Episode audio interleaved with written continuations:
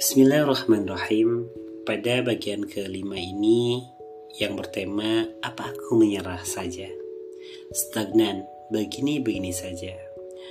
Padahal sudah berusaha mati-matian, padahal sudah rela memotong waktu tidur, padahal sudah ikut berbagai seminar kesuksesan.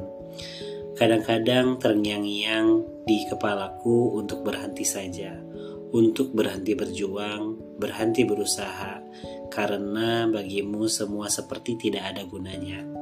Sesulit ini ternyata kehidupan ya. Ucapanmu sambil menghela napas panjang. Coba kalau aku punya gaji sekian juta, pasti hidupku tenang dan nyaman. Lalu setelah kamu bekerja, berusaha, berhemat, gajimu menyentuh angka sekian juta, namun pikiran itu kembali melayang. Coba kalau aku punya gaji puluhan juta atau ratusan juta, pasti aku bisa membeli apa pun yang aku inginkan. Pasti aku bahagia.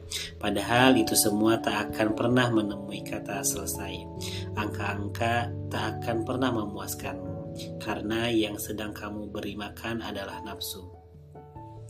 Ia tak punya rasa kenyang. Sayangnya, kamu meletakkan kebahagiaan pada hal-hal semacam itu pada deretan angka yang menipu.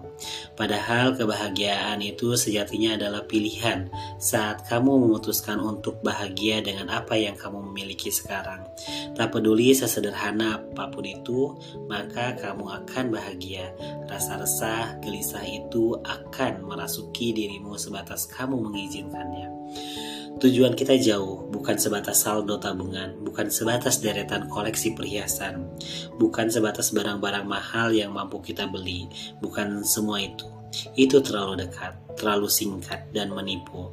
Ada yang lebih dari semua itu adalah surga Allah yang diciptakan tanpa ada kesedihan di dalamnya itulah tujuan kita bertemu Allah bertemu dengan kekasihnya yaitu Rasulullah Shallallahu Alaihi Wasallam jadi bu jadi buah jauh jadi buang jauh-jauh kata menyerah sebelum kita sampai di keabadian surga.